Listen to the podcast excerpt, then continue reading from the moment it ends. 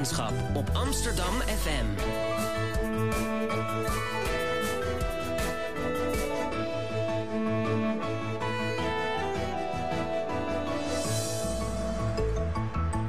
Radio Swammerdam.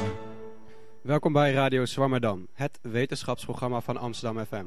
Deze week hebben wij de eer om te spreken met een wetenschapper die dagelijks bezig is om onze wereld te veranderen. Want als het aan hem ligt, draait de energievoorraad niet meer op, voor het grootste deel uh, op brandstof uit olie, kolen en kernenergie, maar op zonne-energie. Onze gast verbaast zich over, hoe, over de hoeveelheid zonlicht die wij mensen dagelijks onbenut laten. Daarom ging hij op zoek naar een manier om meer energie uit de zon te halen. En hierover hield hij zijn inauguratiereden. En die presenteerde hij op een bijzondere manier. Laten we daar eerst even naar luisteren.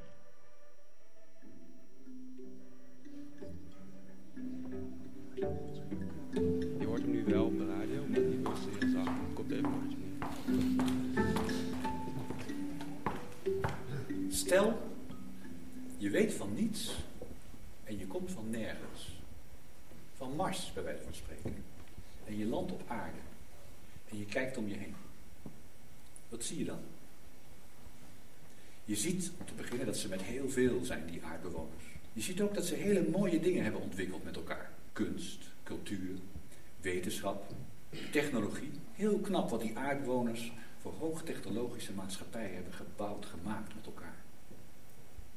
Je ziet ook dat om dat allemaal draaiende te houden, is een enorme hoeveelheid energie nodig. Die aardbewoners die verwarmen hun huizen met aardgas. Ze rijden auto op benzine. Ze hebben een heel elektriciteitsweb aangelegd waar hun ziekenhuizen aan zitten, treinen. En je vraagt je dus af, waar halen die aardbewoners dan hun energie vandaan? Dat vroeg de heer Albert Rotman, natuurkundige, zich af. Uh, hartelijk welkom, meneer Rotman. U presenteerde uw inauguratiereden in een theaterstuk dat u samen met regisseur Jan van den Bergen maakte. En voor de luisteraars, op de achtergrond hoort u uh, soms een koortje. Dat, dat, komt omdat wij live uitzenden in, in de, de bibliotheek van Amsterdam, de centrale bibliotheek. Uh, dus soms hebben we even een achtergrondmuziek. Uh, maar eerst onze gast. Uh, bij binnenkomst uh, van uw inauguratiereden zag het publiek een drie meter groot scherm met een gloeiende rode lavamassa. En daaronder stond u, eigenlijk onder de zon. Gebogen over een verrijdbaar laboratorium, een tafel met laserlampjes en spiegeltjes en oplaaiende mist. Hoe waren de reacties? Ja, mijn naam is Albert Polman overigens. Wat zei ik? Mijn naam is Albert Polman. En ik zei niet Rotman, geloof ik. Ja. Maar laten we even terugkijken. Ja, hoe waren de reacties? Um, wel verrassend natuurlijk, mm -hmm. want het was mijn uh, inaugurele reden bij de universiteit. En die wordt normaal gehouden in de aula, een hele statige omgeving met uh, hoogleraren in toga. Maar ik had een andere vorm gekozen om mijn het verhaal te vertellen in de vorm van een uh, theatervoorstelling. Mm -hmm. Dus de mensen waren natuurlijk om te beginnen verrast door de vorm. Maar ja, wat uiteindelijk natuurlijk telt is, komt de boodschap over, het verhaal wat je wil vertellen. En uh, daarover hoorde ik alleen maar hele enthousiaste reacties. Oké, okay. nou wij zijn ook bezig kijken en uh, zelf vond ik het ook inderdaad goed te volgen. Uh, we gaan het er zo uitgebreid over hebben. Ik wil ook even welkom zeggen naar Sikko de Knecht, onze columnist. Goedemorgen. Uh, goedemorgen. En in zijn column vertelt hij straks over de bezetting in het Maagdenhuis, of eigenlijk niet meer bezetting. En hij meldt ons ook even wat nieuws, want jij hebt het op de voet gevolgd. Ja, ik, het eerste wat ik doe, s ochtends natuurlijk de Twitter even checken. En uh, vanochtend kwam het bericht binnen dat de voorzitter van het college van bestuur van Amsterdam, uh, van de Universiteit van Amsterdam, af gaat treden. Dat is uh, de laatste ontwikkeling. Nieuws. Daar gaan we het zo uitgebreider over hebben. En uh, naast mij is mede-presentator Thiago. Ook welkom. Ja, dankjewel. En Thiago heeft de voorstelling niet gezien. Dus hij bewaakt, uh, hij bewaakt dat wij niet boven ons hoofd gaan praten. En dat het allemaal goed te volgen is. En voor wie inschakelt, u luistert naar Radio Swammerdam, het wetenschapsprogramma van Amsterdam FM. Elke zondag zenden wij live uit vanuit de openbare bibliotheek in Amsterdam. Zoals u nu op de achtergrond hoort bijvoorbeeld. Er is een zondagscore aan het zingen onder onze uitzending. Maar wij uh, maken rustige radio en wij laten ons niet verslaan. En als u wilt reageren op de uitzending, dan, kan dat. Uh, doe dat via Twitter met de hashtag Radio Swammerdam.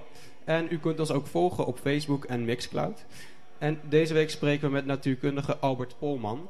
Uh, hij doet onderzoek naar licht en het gebruiken van het zonlicht van het paneel. Eh, straks eh, spreken we daar meer over, over de innovaties die hij bedacht voor het zonnepaneel. Maar u vertelde eh, zojuist al dat u een inauguratie hield op een bijzondere manier, namelijk in het theater. Ehm, u deed al eerder een, een inauguratiereden voor de Universiteit van Utrecht. En op welk moment besloot u, dit is, het is nu niet tijd voor een PowerPoint-presentatie, maar voor een theaterstuk? Ja, het was twee jaar geleden. We hadden, op ons laboratorium hadden we open dag. En ik gaf een lezing daar over ons onderzoek, over zonne-energie. Voor een heel breed publiek. Maar natuurlijk niet van specialisten, dat is de open dag.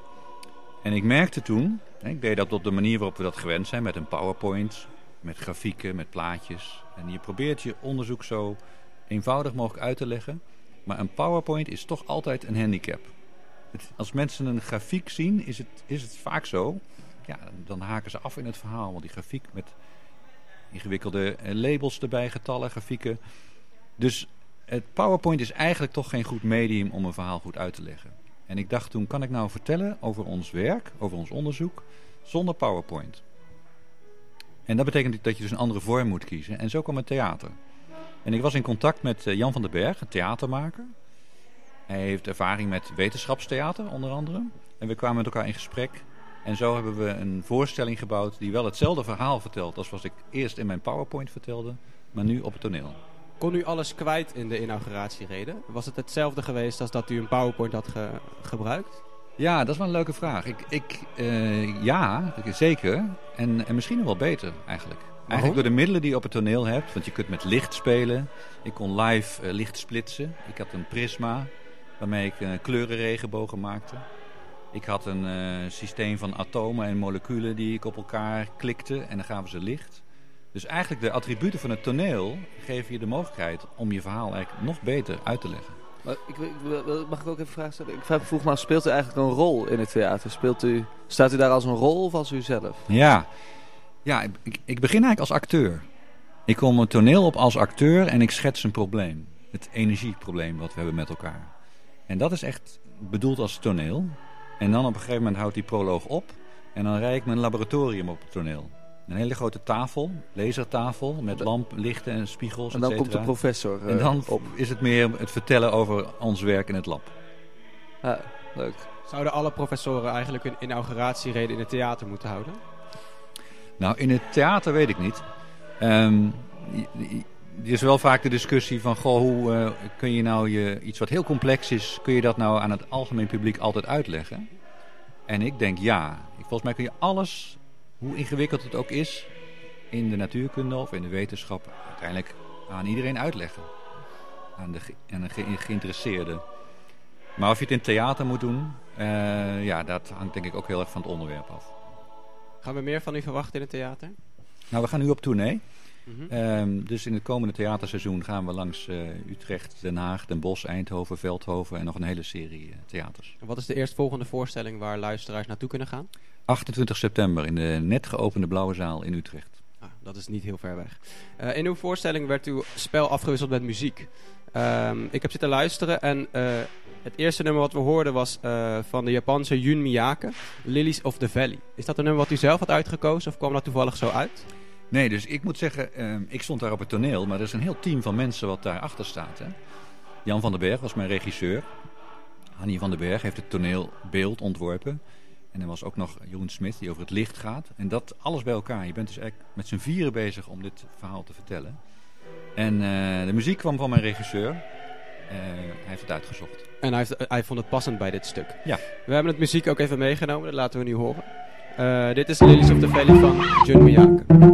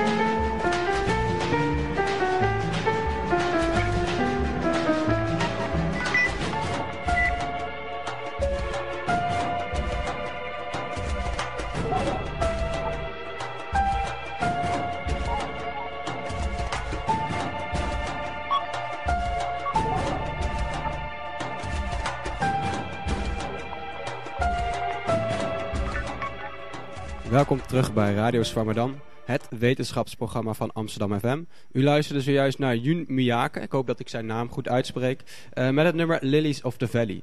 En elke zondag is eh, Radio Swammerdam live te horen vanuit de openbare bibliotheek in de hoofdstad. U kunt af en toe ook een koor op de achtergrond horen zingen, maar wij gaan dapper door met radio maken. En deze week is onze gast natuurkundige Albert Polman. En hij presenteerde afgelopen week zijn inauguratiereden voor de Universiteit eh, van Amsterdam in het theater. U onderzoekt ook licht. Of eigenlijk, dat is het do- doel van uw onderzoek. Eh, als u licht zou moeten uitleggen aan iemand die niet weet wat dat is, wat zou u dan vertellen? Nou, licht, eh, licht bestaat om te beginnen uit heel veel verschillende kleuren. Dat is misschien om mee te beginnen. Daarna kun je het nog hebben over licht zijn golven, licht zijn ook deeltjes, deeltjes van energie. Maar het belangrijkste is denk ik om je te realiseren, licht zijn kleuren. Dus als we naar de zon kijken, dan zien we eigenlijk wit licht meestal. Maar het is opgebouwd uit kleuren van rood naar groen, naar blauw, naar ultraviolet. En in uw inauguratieleden eh, liet u dat ook zien.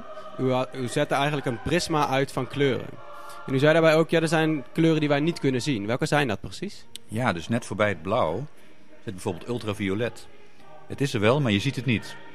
En we weten dat trouwens, want als je te lang in de zon zit, dan verbrand je van het ultraviolette licht. Maar Dit- ons oog kan het niet zien. En aan de andere kant van het kleurenspectrum zit het infrarood. Ook een kleur die ons oog niet kan zien, maar hij is er wel. En wij kunnen hem voelen, want infrarood licht, de warmte daarvan, die kunnen we heel goed observeren. Dus er is eigenlijk een enorm, eigenlijk een oneindig groot kleurenspectrum. Je zou zelfs kunnen zeggen, röntgenstralen zijn ook kleuren. Of radiogolven is ook licht, een lichtkleur. Alleen ons oog kan maar een heel klein stukje van dat kleurenspectrum echt zien. En hoe komt het dat ons oog oh. maar een klein onderdeel kan zien? Hoe komt dat? Dat is de evolutie.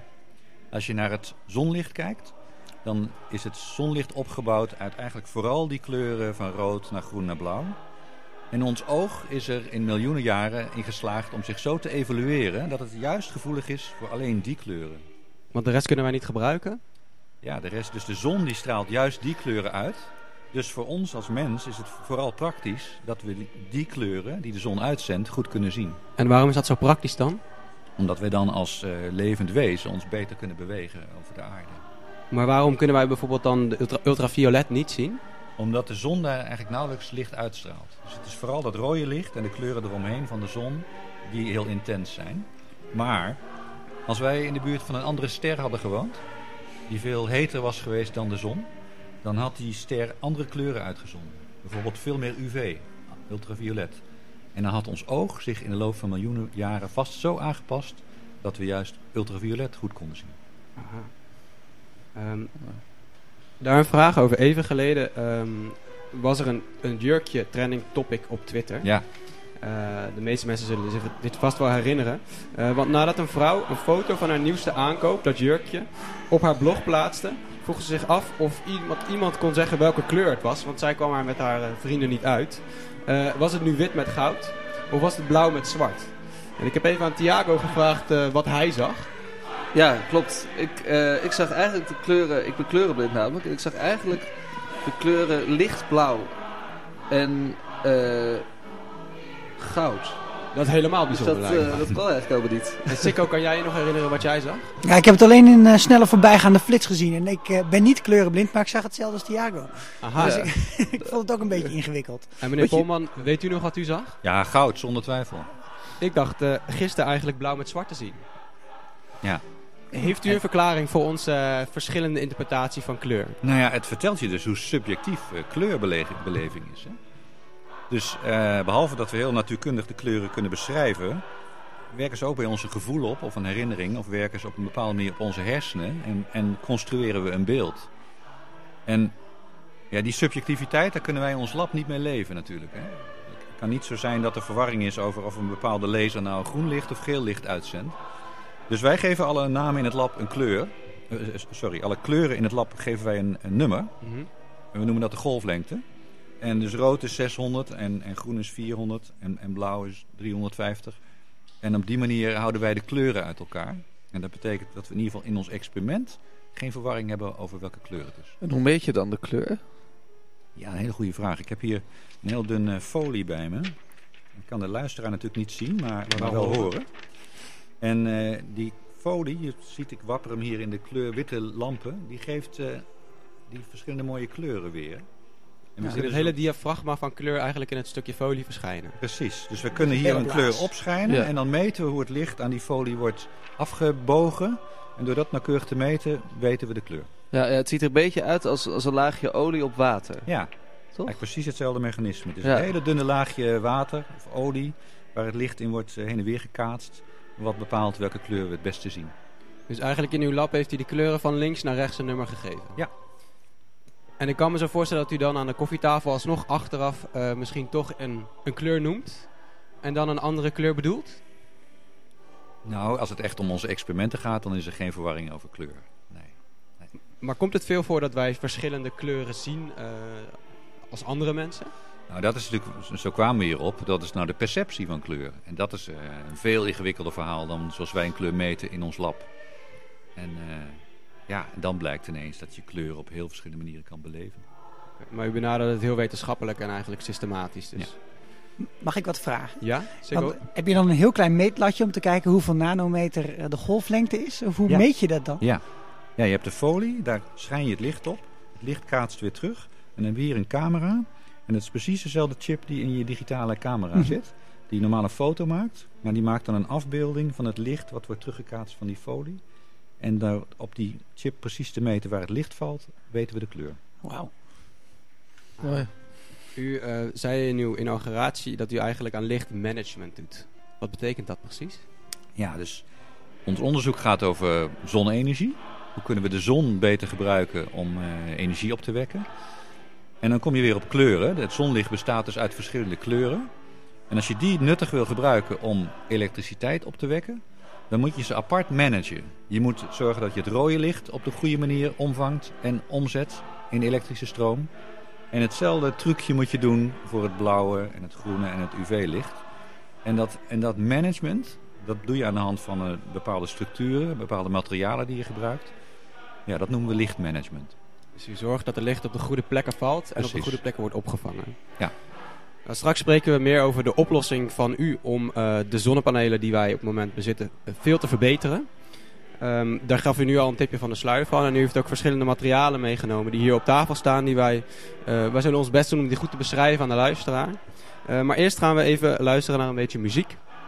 Ehm, want die was ook tijdens uw voorstelling te horen. En dat is Here Comes the Sun van Nina Simone.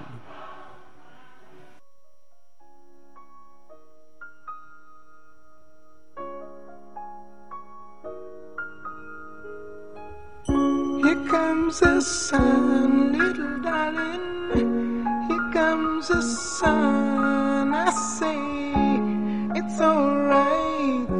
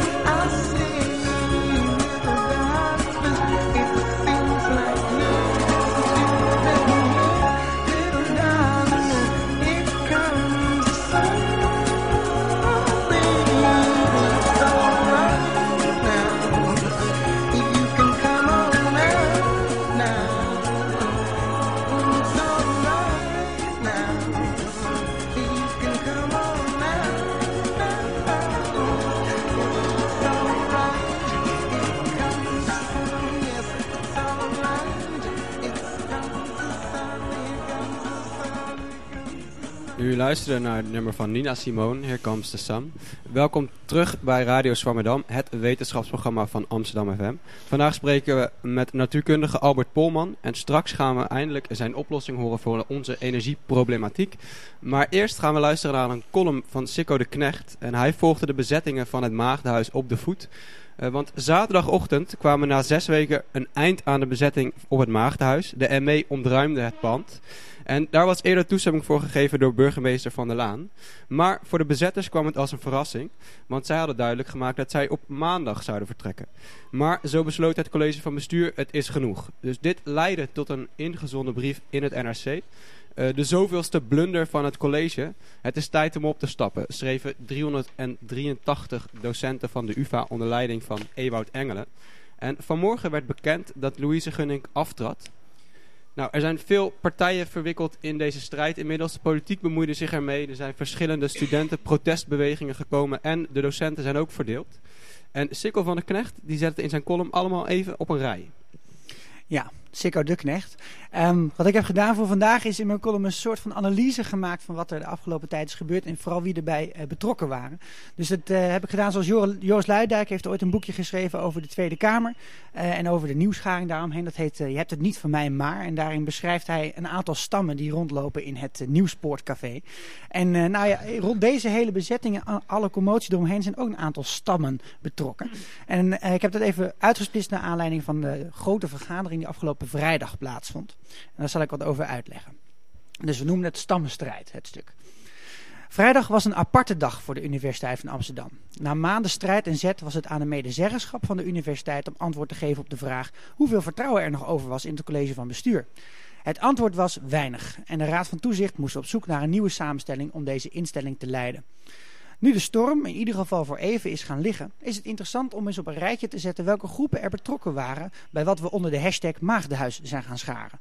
Want wie hebben nu de voordeur van het bestuursgebouw ingetrapt? Wie zijn al die mensen die met hun handen wapperen bij vergaderingen? En wie waren er nu aan het onderhandelen? En wie zaten er nu vrijdag in die beslissende vergadering? Het werd allemaal wat onduidelijk.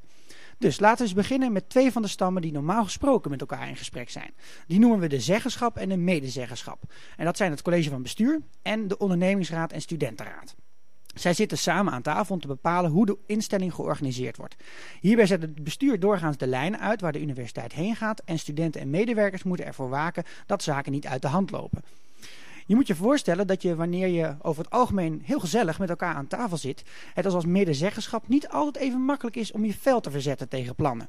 Het is immers geen gesprek met gelijkwaardige partners. Het credo is altijd medezeggenschap volgt de zeggenschap. En daarom loop je als student of medewerker altijd achter de bestuurder aan. Bovendien heb je op lang niet alles iets in te brengen. Het wettelijke minimum dat hiervoor geldt wordt eigenlijk sinds jaar en dag al als norm gezien. Dus het allerminste. Je mag dus vooral meepraten, maar tegenspreken is een ander geval. De medezeggenschap zit dus eigenlijk niet op de allerbeste plek om controversiële en fundamentele stellingen in te nemen. En hierdoor kan het binnen de organisatie en voor de buitenwereld overkomen alsof er niet zoveel aan de hand is in een instelling, terwijl er onderhuids bijna een kookpunt wordt bereikt. Maar ja, we weten allemaal dat linksom of rechtsom stoom ook weer afgelaten moet worden. De protesten van de afgelopen paar maanden hebben laten zien dat er een hele hoop onvrede in de Universiteit van Amsterdam zat, die zich over de jaren heen heeft opgebouwd. Huisvestingsplannen, voorgenomen fusies en bezuinigingen zetten de relaties in de universiteit op scherp. En het was onvermijdelijk dat het tegengeluid zich ook buiten de gebaande paden ging laten horen. En dat brengt ons op de derde stam, de protestbeweging. Eigenlijk de moderne protestbeweging. En daar zijn er een heleboel van inmiddels. De studenten hebben zich verenigd in de nieuwe universiteit. De docenten zijn samengebracht in Rethink UvA. En er is een actiegroep vanuit de geesteswetenschappen die Humanities Rally heet. En alle vechten zij voor wat zij een betere universiteit noemen. Het ding is wel dat deze stammen er doorgaans een hele andere werkwijze op nahouden dan de eerder genoemde zeggenschap en medezeggenschap. Net als bij Occupy-bewegingen is er niet een duidelijk aanspreekpunt en is in zekere zin iedereen woordvoerder. Vergaderingen gaan met allerlei gekke handgebaren en voor verdere communicatie worden Twitter en een eigen website gebruikt. Allemaal erg transparant, maar weinig overzichtelijk. En dat was die ene avond, de beruchte avond in het Maagdenhuis, dan ook wel even slikken voor het bestuur. Waar Eberhard van der Laan het redelijk snel doorleek te hebben, had het college aanzienlijk meer moeite met deze manier van communiceren. En verder moet je ook even wennen aan een gesprekspartner die niet komt, komt om kritiek te leveren over bijlage nummer 13 van jouw plannen, maar aan plein publiek voorstelt dat je ophoepelt. Ook voor de medezeggenschap, die tweede stam, waren de protesten een vreemde ontwikkeling. Zit je daar met de beste bedoelingen al die uren te overleggen over de meest gedetailleerde plannen, blijkt de goede gemeente er veel harder tegenaan te willen gaan. Niet bepaald een fijne constatering dat je voorbij wordt gelopen. En dan wordt de vraag, wie zijn deze mensen eigenlijk en wat willen ze? De grote vraag in de afgelopen weken was dan ook wie nu eigenlijk wie vertegenwoordigde. Waren de actievoerders een klein groepje verdwaalde krakers of waren zij het gezicht van een zogenaamde stille meerderheid, een silent majority? Was de medezeggenschap na al die jaren ingeslapen of hadden ze juist hun best gedaan om alle nuances van meningen van studenten en medewerkers mee te nemen?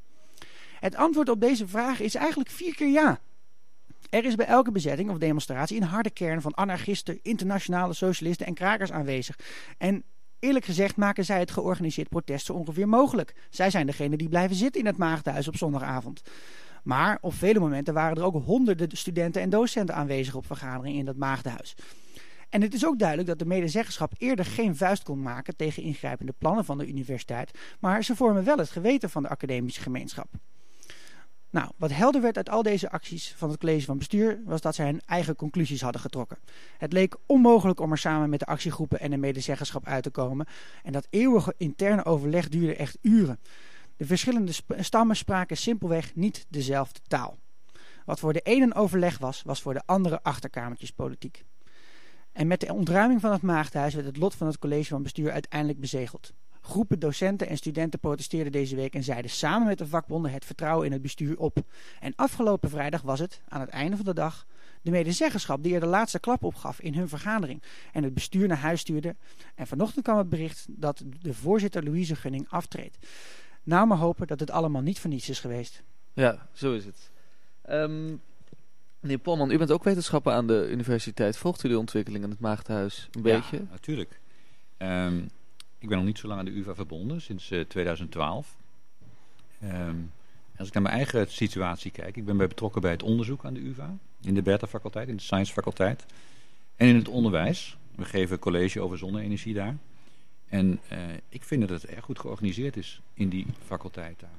Het onderzoek, de faciliteiten, de ondersteuning, de staf waar ik mee te maken heb. En we hebben net de beoordeling van onze studenten gekregen over de masteropleiding in de zonne-energie die we hebben opgezet. En die beoordeling was ontzettend goed. Dus op, het, op de exacte tak van de wetenschap spe- spelen de problemen sp- minder of In eigenlijk ieder helemaal geval niet. voor het deel waar ik mee te maken heb, eh, eh, zie ik dat probleem niet. En is dat ook de reden waarom u niet getekend heeft? Waarom u niet een van die 383 eh, medewerkers van de UvA bent. Ja, die-. Ja. Omdat het u niet treft. Te helder? Sikko, jij, bent ook, eh, jij werkt ook aan de Universiteit van Amsterdam en jij ondertekende wel. Ja, ik eh, werk aan dezelfde eh, faculteit zelfs. eh, maar dat zijn grote faculteiten tegenwoordig. Hè. De universiteit had ooit 28 faculteiten en dat zijn er nu zeven. Dus natuurkundigen en biologen die zitten bij elkaar onder één, onder één paraplu. Ehm, en de, de organisatie zit zo in elkaar dat die dus ook wel helemaal hun eigen aansturingstakken hebben. Dus ik zit in de, in de levenswetenschappen. En een aantal van de problemen die je bij, eh, bij de- de geesteswetenschappen zag of bij rechten, die eh, herkenden wij eigenlijk in ons instituut wel. En ehm, bijvoorbeeld ook vra- vragen en eh, discussies over een fusie met, een, met de VU, waar in het verleden op eh, neer is gekomen. eh, die zijn voor sommige takken van de exacte wetenschappen, eh, in mijn optiek zelfs ook een heel goed idee. Maar eh, voor mijn eigen tak dan weer niet. Dus, ehm, en dat zijn dingen die in het verleden eh, toch niet echt openlijk besproken zijn. Er is heel veel eh, kracht tegenaan moeten zetten om dat werkelijk open te breken, die discussie. En daarbij hebben veel eh, medewerkers en studenten ook wel eens het gevoel gehad van nou, er wordt gewoon eigenlijk niet naar mij geluisterd op dit punt. Sikko, ben je dan ook bezig met andere wetenschappers eh, te overtuigen om toch te tekenen? Omdat het dan weliswaar misschien in hun, hun eigen huisje goed gaat, maar buiten het toch eh, niet helemaal loopt zoals jij zou eh, willen dat het loopt. Nou, kijk, bezig met overtuigen, dat denk ik wel. Maar voornamelijk vanuit het oogpunt, er zijn, eh, het gaat om de manier waarop er bestuurd is geweest de afgelopen tijd. Ik snap heel goed dat er problemen zijn en dat er eh, bijvoorbeeld restricties uit Den Haag zijn met hoeveel geld er is en hoe je met eh, bepaalde prestatieafspraken omgaat, dat je rendementen moet halen, et cetera. En het lijkt er nu een beetje op dat telkens elke zoveel jaar dat er op één faculteit een probleem is en dat zij dan dat probleem op moeten lossen. Vaak dat het gaat over financiën en dat soort zaken. Maar dat de manier waarop dat opgelost wordt heel erg van bovenaf opgelegd wordt van oké, en nu ga je gewoon zoveel miljoen bezuinigen en je ziet maar hoe je het doet. Terwijl de discussie veel breder moet zijn van oké, hoe gaan we in deze lastige tijd met weinig geld voor onderzoek en onderwijs om met al die prikkels en hoe zorgen we dat we een universiteit goed organiseren en goed leiden. En een van de dingen die eh, naar voren is gekomen tijdens deze twee maanden toch wel bijna, is dat eh, medewerkers vaker het gevoel kregen van nou, zijn eh, de bestuurders van de universiteit er nou voor mij of zijn ze er voor zichzelf om eh, zo goed mogelijk een wit voetje te halen in Den Haag? En daar is echt wel een vertrouwenskwestie opgekomen. Maar ik begrijp zelf heel goed dat op verschillende delen van die universiteit eh, dat heel anders wordt gezien. En dat er ook een andere cultuur leeft op verschillende onderdelen van de universiteit. Hè. De mensen bij economie vinden het heel goed dat je in rendement denkt. Dat kan ik me ook voorstellen. Maar er zijn ook eh, onderdelen waar eh, het rendementsdenken zodanig is doorgeslagen dat opleidingen niet meer aan opleiden toekomen. Maar toch gaat het opstappen van het college van bestuur, of in ieder geval mevrouw Gunning, de hele universiteit aan. En misschien ook wel uw tak, meneer Polman. Ja, dus dat betekent dat er wat gaat veranderen in de eh, organisatie van de universiteit. Maar ik denk dat je niet moet vergeten dat het echte probleem is dat er eh, gewoon ontzettend weinig geld vanuit de overheid in onderzoek en onderwijs wordt gestoken. Het aantal studenten neemt toe en er is gewoon minder geld beschikbaar per student. En het is, het is eigenlijk een wonder dat eh, de universiteit, eh, zoals die wordt gerund, dat het met het budget is wat we nu hebben, dat het, dat het nog kan bijna. Dus iedere bestuurder die zal eh, het probleem krijgen dat hij met de hele beperkte middelen die er zijn, eh, de universiteit zo goed mogelijk moet runnen. Sikko, wat is nu de volgende stap? Ja, dat weet ik eigenlijk eh, niet per se. Er zijn wel een paar dingen in beweging gezet. Eh, kijk, er, zijn een paar mensen die openlijk hebben gezegd dat de UvA gewoon een groter financieel probleem heeft dan eh, de universiteit wil zeggen. Dus er gaat een commissie aan de slag om dat gewoon feitelijk te onderzoeken. Ehm, we hebben ook de afgelopen jaren gezien dat in de organisatiestructuur van de universiteit heel veel dingen heel centraal zijn geworden. Dus eigenlijk een, een order van boven kan heel makkelijk uitgevoerd worden op alle niveaus. En er gaat ook een commissie aan de slag die gaat nadenken over hoe kun je dat meer decentraal organiseren met zelfsturende organisaties, et cetera. Ehm, dus dat antwoordt wel aan een aantal eh, vragen en eisen van eh, bezetters hier en daar. Ehm, maar goed, er moet nu een nieuwe collegevoorzitter komen, denk ik. Eh, dat is volgens mij wettelijk vastgelegd dat die er moet zijn. En dat zou iemand moeten zijn die toch zelf een heel duidelijk beeld heeft met van nou oké, in dit lastige weer, want dat ben ik helemaal met mijn collega eens. in dit lastige weer moeten we anders laveren en moeten we anders werken. En die moet daar toch ook echt een visie voor hebben. Maar wel eentje die, waar de academische gemeenschap zich in kan vinden. Goed, we Ik blijven wil- het volgen. Ja, ik wilde nog even een, even een dingetje rechtzetten. We noemden het getal van 383 docenten die hadden ondertekend, maar inmiddels zijn dat er al 600, begreep ik. Er zijn Dus mensen bijgekomen. Er zijn mensen, bijgekomen, Goed. inderdaad. We blijven het volgen. En we gaan eerst even luisteren naar muziek. Eh, dit is Bonnie N. M met het nummer Sunny.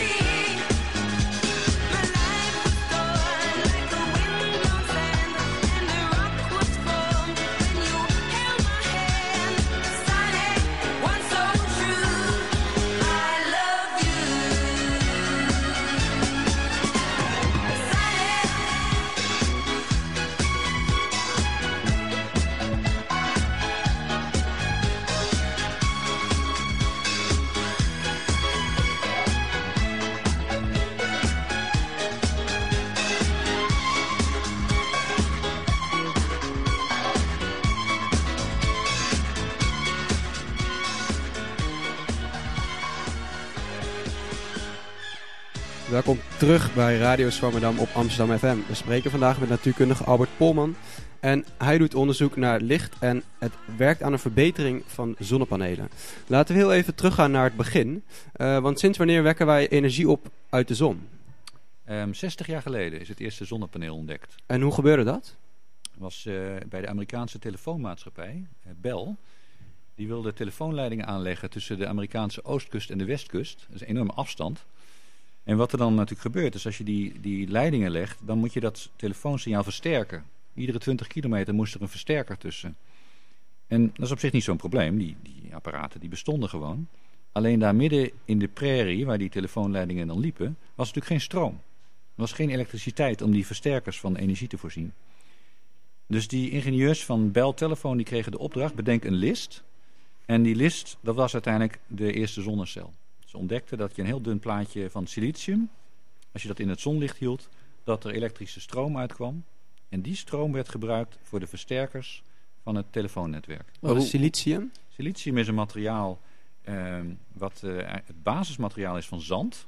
Zand is een eh, siliciumoxide. En eh, het is een van de materialen die dus heel veel op aarde voortkomt, voorkomt. Eh, het is ook het basismateriaal van de hele computerchip-industrie. Dus alle digitale camera's, computers, memory chips zijn allemaal gemaakt van het materiaal silicium.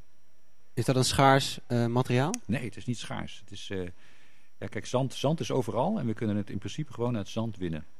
Dat is wel makkelijk. Ja, ik vroeg me af hoe dat dan werkt. Hoe je dan energie krijgt vanuit silicium. Is het puur, puur het stofje dat energie opwekt? Of hoe gaat het? Ja, ik heb hier zo'n eh, tegeltje voor me. Dit is dus een element van een zonnepaneel. Een heel dun plaatje van silicium. Het is ongeveer 10 bij 10 centimeter. En eh, de bijzondere eigenschap is, als je er licht op schijnt, dan eh, komt het licht er niet meer uit. Het gaat er niet doorheen. Het reflecteert niet. Het wordt dus ingevangen in het materiaal. Nou, we kennen allemaal de wet van behoud van energie. Dus het licht verdwijnt. Dus het moet in een andere vorm van energie worden omgezet. En dat is elektriciteit. Dus aan de onder- en de bovenkant van het plaatje ontstaat een plus en een min. Net als in een batterij. En zo hebben we dus van licht elektriciteit gemaakt. Nou, bijzonder. Dus puur de eigenschap van het stofje. Ja, ja. Leuk. En eh, sindsdien is het verbeterd? Of eh, zijn we Ja. nog steeds op dezezelfde manier bezig? Dus de Bell-engineers hadden de eerste zonnecel ontwikkeld met een rendement van 6%. Betekent van alle energie van de zon die erop schijnt, wordt 6% omgezet in elektriciteit. Dat klinkt als weinig. Dat klinkt als weinig, maar was toen een fantastische ontdekking. Hè? Want het bestond gewoon nog niet. En het Meer dan maakte niks. ook iets mogelijk. Hè? Die hele tele- telefoonverbindingen werden ineens mogelijk. En in die 60 jaar tijd heeft zich dat eh, verbeterd. Is die technologie steeds eh, beter geworden. En als je nu een zonnepaneel koopt, waar diezelfde siliciumtegeltjes in zitten, heeft het een rendement van 20%. Dus 20% van het zonlicht wordt omgezet in elektrische stroom. En is dat al de maximum? Nou nee, eh, en dat is natuurlijk ook precies wat ons bezighoudt. Want waar gebeurt, wat gebeurt er met die andere 80%? Nou, die wordt op dit moment omgezet in warmte. Dus 80% van de instraling van het licht van de zon wordt uiteindelijk omgezet in warmte. Dus het zonnepaneel wordt gewoon warm. Ja, en daar doen we eigenlijk niks mee. En de uitdaging in ons onderzoek nou is om te kijken, kunnen we die 80% ook omzetten in elektrische stroom? Eh, u heeft een grote ontdekking gedaan, hè? Een Nou, grote... wat ik u in, mijn eh, oratie heb uitgelegd is wat het plan moet zijn om dat te doen. Aha. Dus kijk, de universiteit vraagt je als je als hoogleraar begint bij de universiteit, leg ons uit, leg de academische gemeenschap uit wat je met je onderzoek en met de studenten de komende tijd wil bereiken. En ik heb een plan voorgelegd en gezegd, we kennen die silicium zonnepanelen, 20% rendement. Maar met de kennis die we nu hebben over materialen en over licht, moet het mogelijk zijn om dat 20% eh, veel verder te verhogen naar 30, 40, misschien wel 50%. Maar dan moeten we ons gaan verdiepen in andere materialen dan silicium. Dus het wordt een heel materiaalkundig eh, onderzoek. Naast het silicium moeten we nieuwe materialen gaan ontwikkelen. En we moeten dat lichtmanagement doen. Die verschillende kleuren van de zon moeten we op een slimme manier gaan managen. In combinatie met die nieuwe materialen. Om uiteindelijk het ultieme zonnepaneel te maken. Oké, dat is het plan. En wat van het plan heeft u al bereikt tot nu toe? Nou, we zijn eh, eigenlijk in dat plan gekomen vanuit de richting van het lichtmanagement.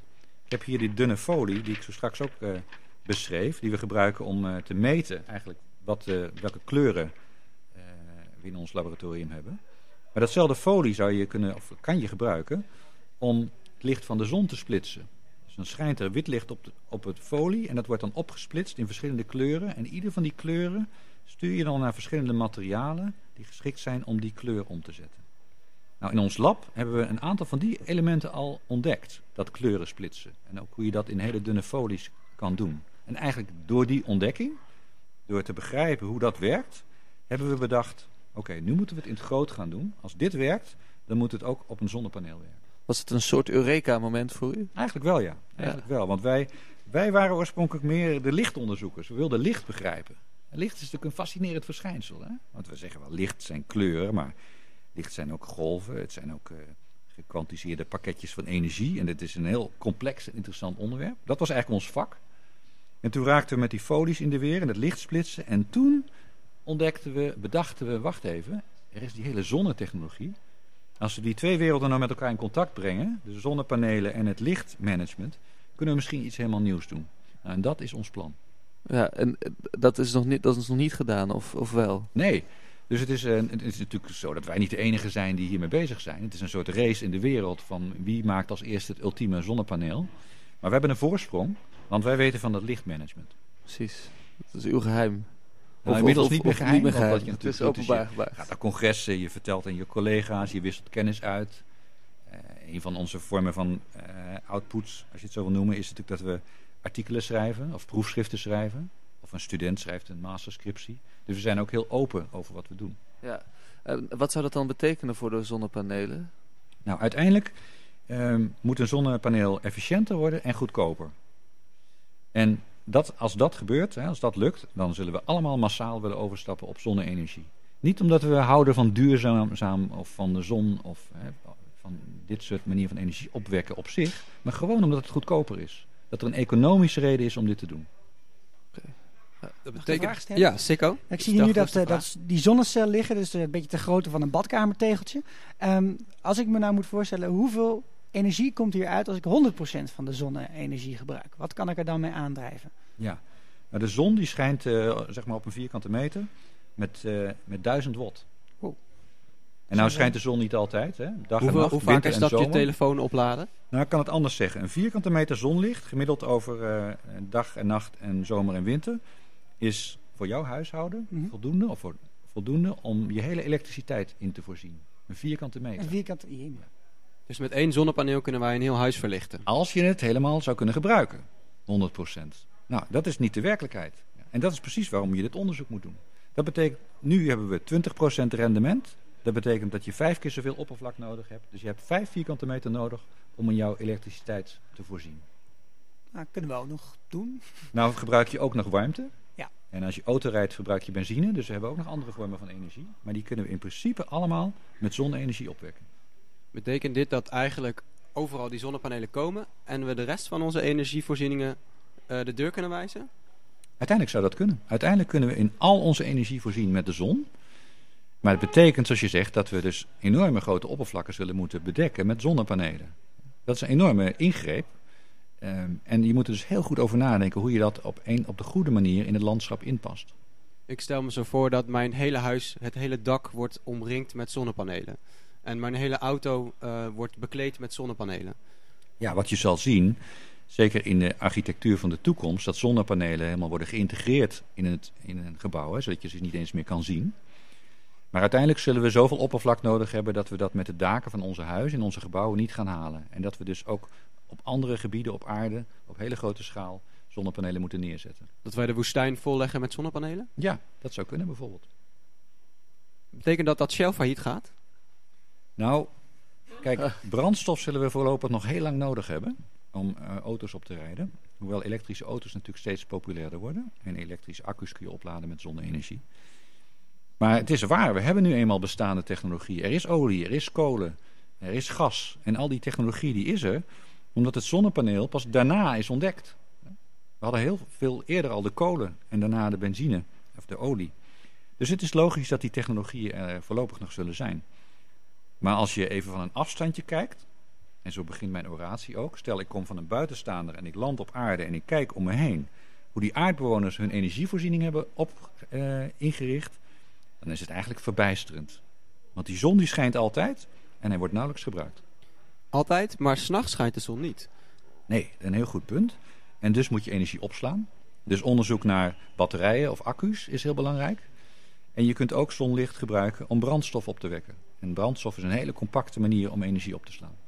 Hoe moet ik me dat voorstellen? Zonlicht gebruiken om brandstof op te wekken? Nou, je moet je voorstellen dat ditzelfde tegeltje wat ik hier in mijn handen heb, het tegeltje wat onderdeel is van het zonnepaneel, dat ik het onder een vloeistof hou, onder water bijvoorbeeld. En ik schijn een zonlicht op. En dan wordt via de elektriciteit die ik eerst opwek, of via een chemische reactie aan het oppervlak, wordt het water omgezet in waterstof. En waterstof is een brandstof die je kan gebruiken. Of je zou je kunnen voorstellen dat je bijvoorbeeld met zonlicht door een chemische reactie ethanol maakt, wat ook een brandstof is. Dat is eh, een redelijk ook grote verandering voor op wereldschaal, denk ik. Als eh, al onze zonnepanelen ineens ons allemaal voorzien van energie en we hebben de fossiele brandstoffen niet meer nodig. Is dat mogelijk? Ja, dat is mogelijk. En, het- maar het is dus een, een, een, een mega verandering in onze maatschappij. En dat gaat natuurlijk niet zomaar gebeuren. En bovendien, een heleboel van die technologie moeten we ook echt nog ontwikkelen. En het punt wat ik in mijn oratie heb gemaakt is... je kan laten zien dat het kan. Dat we onze hele maatschappij kunnen draaien op energie van de zon. Tegelijkertijd moeten we heel bescheiden zijn... want een heleboel van die technologie moet echt nog ontwikkeld worden. Maar het zou toch geweldig zijn als we af kunnen van al die fossiele brandstoffen... en alles met de zon kunnen doen. En het kan. Zijn er ook partijen die dat niet willen? Ik denk uiteindelijk als iedereen begrijpt hoe het werkt, dat iedereen het zou moeten willen, om een economische reden. Gewoon omdat het het goedkoopst is. Dat is de enige sleutel. Uiteindelijk wel. Want ik kan me voorstellen dat er een paar oliesheiks in het Midden-Oosten die niet zo op zitten wachten. Nee, dat zou kunnen. En ehm, dat is ook heel logisch natuurlijk. Maar zo is het natuurlijk in de geschiedenis wel vaker. Dat we veranderen van technologie en dat we moeten overschakelen. Ze hebben ook heel veel zon in het Midden-Oosten. Klopt ook. En Kunnen eerlijk ze gezegd, hun- er wordt heel veel ook onderzoek gedaan aan zonnetechnologie, juist daar in die gebieden. Ik kan me zo voorstellen dat eigenlijk ehm, de hele wereld een beetje naar uw onderzoek, eh, onderzoeksgebied kijkt. Want als het een grote verandering teweeg brengt, dan vindt iedereen dat interessant. Ik denk dan, nou, dat is prima. Dan ga ik nog even een paar vliegtuigritjes nemen en door met vervuilen. Want de heer Polman ontwikkelt in zijn laboratorium straks voor in de toekomst schone energie. En dan is alles en al onze problemen opgelost.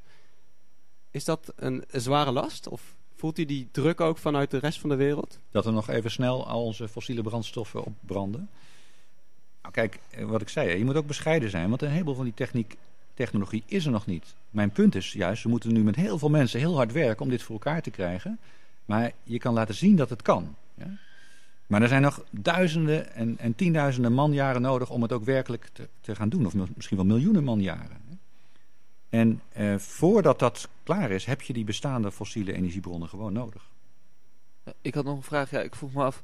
ehm, die zonnepanelen die, die, gebruiken, die kunnen een bepaald aantal percentage eh, van, de, van de zon omzetten in energie. Hoeveel procent is dat nu? Nou, de bestaande siliciumpanelen doen 20%.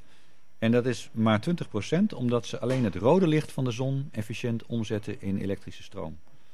En we weten dat de zon geeft ook groen licht en blauw licht en UV-licht. En als we nou andere materialen combineren met silicium, die het blauwe licht en het groene licht omzetten, dan kunnen we naar 30, 40, misschien wel 50%. Oké, en hoe, hoe- hoe- hoeveel invloed heeft uw ontdekking dan gehad op, op dit percentage? Nou, we staan aan het begin. Dus wij doen onderzoek naar dat lichtmanagement, naar het lichtsplitsen. We hebben nu de technieken eh, ontwikkeld, of de eerste stappen gemaakt moet ik zeggen, om dat op een goede manier te doen. Want nu moeten we het integreren met de zonnepaneeltechnologie.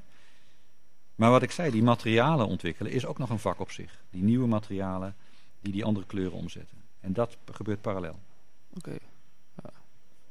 Heeft u het vertrouwen in dat die o- onderzoeken tegelijkertijd zo oplopen, net als het eh, opslagcapaciteit? Ja, dat, dat, dat gebeurt eigenlijk samen en dat moet ook. Want het ontwerp van het uiteindelijke zonnepaneel zitten die materialen en dat lichtmanagement heel sterk met elkaar verweven. Ik vind het fascinerend, want u doet eigenlijk dus onderzoek eh, naar een theorie waarvan u zegt, zo zou het moeten. Alleen de kans dat dat ook daadwerkelijk zo gebeurt is misschien nog best wel klein. Nou, is, dit, is de theorie nou al gestoeld op feiten? Of is het een theorie en eh, moet daar nog maar blijken of die theorie wel klopte? De theorie die klopt zeker, maar ik zeg we moeten nieuwe materialen ontwikkelen. En dat is dus een, iets wat je in het laboratorium moet doen. En die, die nieuwe materialen die moeten van hele hoge kwaliteit zijn. Zodat ze bijvoorbeeld heel goed het licht invangen en goed elektriciteit geleiden. Ja, dat moeten we, dat moeten we nog maken. En voor de siliciumtechnologie heeft het dus 60 jaar geduurd om dit te perfectioneren. Nou, we hebben niet 60 jaar de tijd voor al die andere materialen. En het hoeft ook niet, want we hebben ongelooflijk veel geleerd uit die siliciumtechnologie, hoe je dit moet aanpakken. Dus ja, je kan zeggen het is een theorie. En nee, die materialen die zijn er nog niet. Maar door de theorie kunnen we wel precies voorspellen welke materialen we moeten maken en hoe we ze dan in de zonnecel integreren. Eh, en dat moeten we dus nog wel doen. En eh, een, een onderzoeker heeft altijd een opdracht gegeven. U, vertelde al over eh, het ontwikkelen van dit zonnepaneel voor de telefoondienst. En wie is uw opdrachtgever? Ja, de tijden zijn veranderd. Hè. De en Bell Labs, waar die zonnepanelen werden ontwikkeld, die hadden een laboratorium met 2000 mensen die fundamenteel onderzoek deden voor de lange termijn. Nou, dat gebeurt tegenwoordig eigenlijk nauwelijks meer bij de bedrijven. Mhm. Zeker niet als het gaat om een totaal nieuwe technologie. En wij worden daarom betaald door de Nederlandse overheid. De Nederlandse overheid zegt wij willen investeren in onderzoek voor de lange termijn. En het is onze taak bij de universiteiten om dat onderzoek te doen. Dat betekent dat er meer geld moet komen bij de universiteiten. Ik denk als je dit wil als maatschappij op hele grote schaal, ja, dan moet je er grootser in investeren. Mijn laatste vraag. Heeft u zelf zonnepanelen?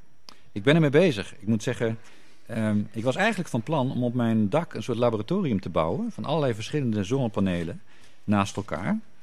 En toen ik bijna zover was om het te installeren, dacht ik, weet je wat, ik kan dat lab eigenlijk beter naast mijn eigen laboratorium zetten in het Dan Science leert Park. u er nog wat van. En we, hebben het nu, eh, we zijn het nu aan het installeren daar, zodat studenten van de universiteit daar hun stageprojecten kunnen doen. Dit was alweer eh Radio Swammerdam voor deze week. Ik dank hartelijk eh, natuurkundige Albert Polman die vandaag de gast was. En Sikko de Knecht voor zijn column. En mijn technicus Eveline van Rijswijk. En natuurlijk mijn co- co-host Thiago.